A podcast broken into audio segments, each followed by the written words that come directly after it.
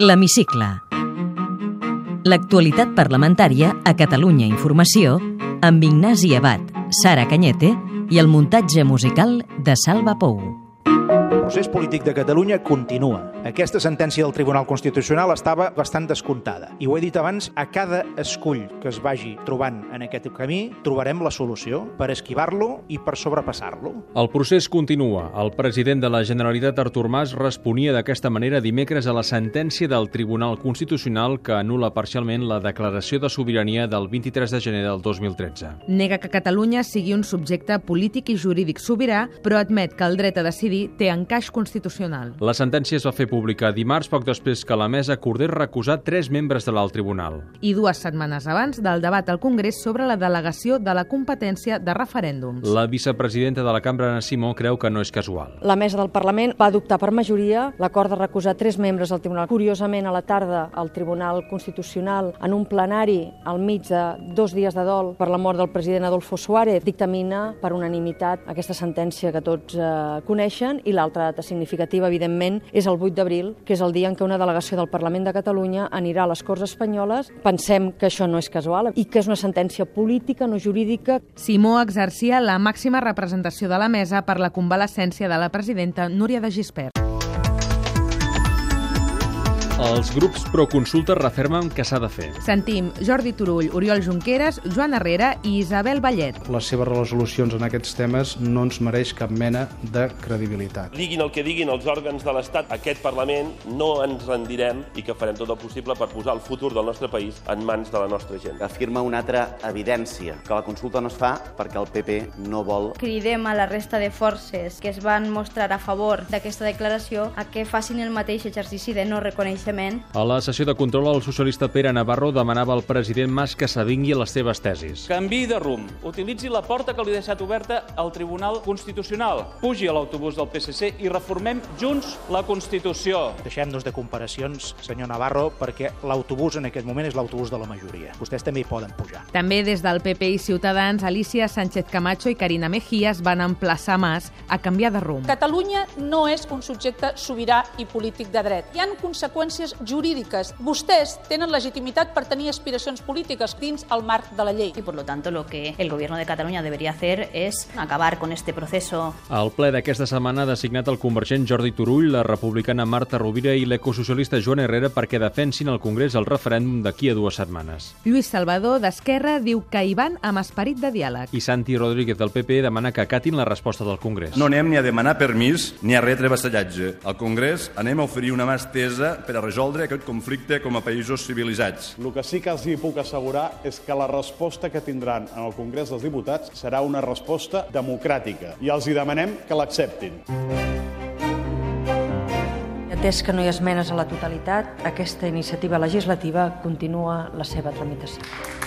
Al primer ple després del de la pobresa s'ha iniciat la tramitació de la ILP per a la renda garantida de ciutadania. Una demanda social avalada amb més de 120.000 firmes. La van defensar al ple dos dels seus promotors, Diosdano Toledano i Sixte Garganté. Es proposa assegurar els mínims d'una via digna, aplicant la mateixa quantitat econòmica que l'administració reconeix, que és l'indicador de suficiència de renta, que són 559 euros per 14 pagues, que equivalen a 664 euros per 12 mensualitats. Si el Parlament no ho fa, o no ho fa de forma suficient, contribuirà a l'increment de la pobresa?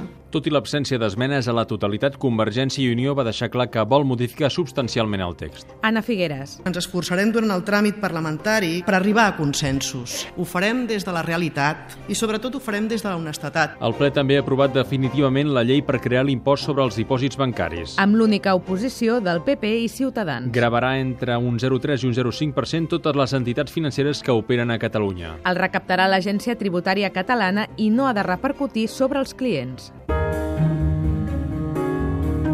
Després del govern i 850 ajuntaments catalans, el Parlament també ha aprovat recórrer aquesta setmana al Constitucional la reforma local del govern espanyol, l'Arsal. A instàncies de CiU, ERC, PSC i Iniciativa. Sentim el convergent Albert Batalla. I la rèplica d'Alicia Alegret, del PP, que hi va votar en contra. Quina és la idea central que inspira aquesta llei estatal? que els ajuntaments i el món local gestionem malament i per això cal controlar-nos, treure'ns competències i centralitzar-les. Fals i alhora injust. És una bona eina. Dota d'instruments per posar control i per posar límits. I jo entenc que alguns no ho vulguin reconèixer, estan en ple procés separatista. No poden sortir públicament a dir, miri, ens doten d'una eina que és una bona llei. El mateix ple també s'ha aprovat amb l'única abstenció de Ciutadans i la CUP el projecte de llei per compensar la disminució del Fons de Cooperació Local del 2013. Blinda la dotació complementària de 52 milions als ajuntaments en tres anualitats. Joan Ortega, vicepresidenta del govern. Hem donat prioritat als ajuntaments en què la seva capacitat per arribar a altres vies de finançament és més difícil, en què l'impacte de l'aportació del Fons de Cooperació Local és més important. CiU i el PSC han negociat aquesta setmana un acord sobre el projecte de la llei del Barcelona World. Després de tancar la ponència dimecres, Xavier Sabater, del PSC, i Albert Batet, de CiU. Ens hem intercanviat papers, papers nous, hem d'analitzar-los. Anem fent passos endavant en l'evolució d'aquest projecte de llei, però la nostra posició sempre s'ha mostrat en la voluntat de fer viable el projecte. Ens requereix un pla director que sigui flexible, acompanyat d'una taxa que sigui competitiva. hi ha dos actors polítics més en aquestes negociacions. El PP, que també busca l'acord, Rafa Luna. Per part del Partit Popular existeix la voluntat de continuar negociant, però hi ha tres escolls que estan pendents, que és el tema fiscal, el tema urbanista, d'urbanisme i el tema de crèdit. i Esquerra, amb més objeccions, diu que no obstaculitzarà l'aprovació de la llei. Pere Aragonès. Si no es canvia, nosaltres en matèria de fiscalitat ens hi oposarem. En matèria urbanística, nosaltres hem fet una proposta que l'augment de drets edificatoris que comporta treure tots els límits es pugui fer per etapes. El president de la Generalitat, Artur Mas, i el líder socialista, Pere Navarro, van abordar dijous en un dinar un possible acord sobre Barcelona World i d'altres qüestions com la llei de transparència o la llei electoral. Sobre aquesta última qüestió, el convergent Lluís Coromines negava un trencament de les negociacions. No s'ha trencat res, que no hi ha acord, però que en canvi nosaltres, i ens consta que altres partits polítics i grups parlamentaris tampoc, no descartem que hi hagi llei, perquè creiem que és absolutament necessària pel país. El Parlament va guardar un minut de silenci a l'inici del ple de dimecres per la mort de l'expresident espanyol Adolfo Suárez. Va recordar la seva figura la vicepresidenta de la cambra, Ana Simó. Recordar el paper que va tenir en el restabliment de la democràcia a l'estat espanyol, el restabliment de la Generalitat de Catalunya i en el retorn del president Josep Tarradellas. A més de transmetre el condol a la seva família, els demanem que fem tot seguit un minut de silenci. Els tres diputats de la CUP no van voler-hi participar. Té la paraula Dolors Montserrat i Culleré, soc diputada al Parlament de Catalunya pel grup parlamentari popular de Catalunya. en una frase. Senyora Dolors Montserrat, vol que Catalunya esdevingui un estat? No, jo el que vull és que Catalunya formi part d'Espanya, com sempre ho ha sigut. Què passa si la convocatòria de consulta que vol fer el president Mas és impugnada? Jo crec que triarà el camí de la legalitat, que és no poder-la fer. Preveu eleccions anticipades? Podria ser, Descarta una declaració unilateral d'independència? això ja seria passar-se. Una reforma constitucional pot resoldre l'encaix de Catalunya a Espanya? La Constitució sempre es pot reformar, però hi ha unes majories, unes minories, i en funció de les votacions es podrà o no es podrà fer aquest canvi dins de la pròpia Constitució. S'ha de veure. Quina injustícia l'enerva més a Catalunya? La injustícia, no dir la veritat, i veure que no es treballa suficientment per totes aquelles persones que no poden tirar endavant, que estan a la cuneta, a la pobresa, Fins quan creu que s'allargarà la crisi? Per la macroeconomia sembla que ja hem sortit de la crisi. Les persones encara no ho notem. Ha estat mai a la cua de l'atur? No, Si es queda sense feina, quina és la primera porta que trucaria?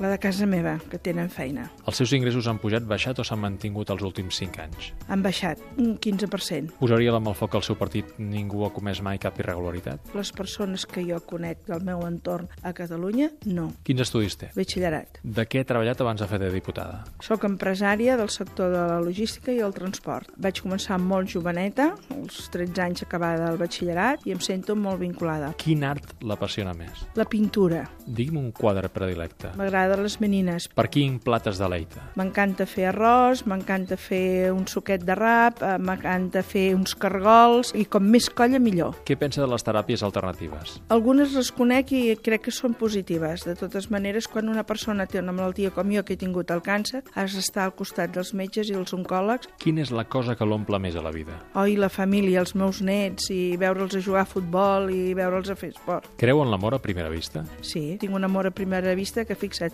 ja en porto 45, Amb quin sex símbol compartiria una estona? amb el Robert Redford, Es considera fan de... del Barça. Quin diputat o diputada d'un altre grup fitxaria pel seu ideologia a banda? Tinc una especial estima per una diputada que és portaveu i és la Dolors Camats. Una mania confessable. La puntualitat. Quan acaba un ple del Parlament, com desconnecta quan torna cap a casa? Parlant amb el meu marit d'altres qüestions. Senyora Dolors Montserrat, moltes gràcies. Gràcies a vostès.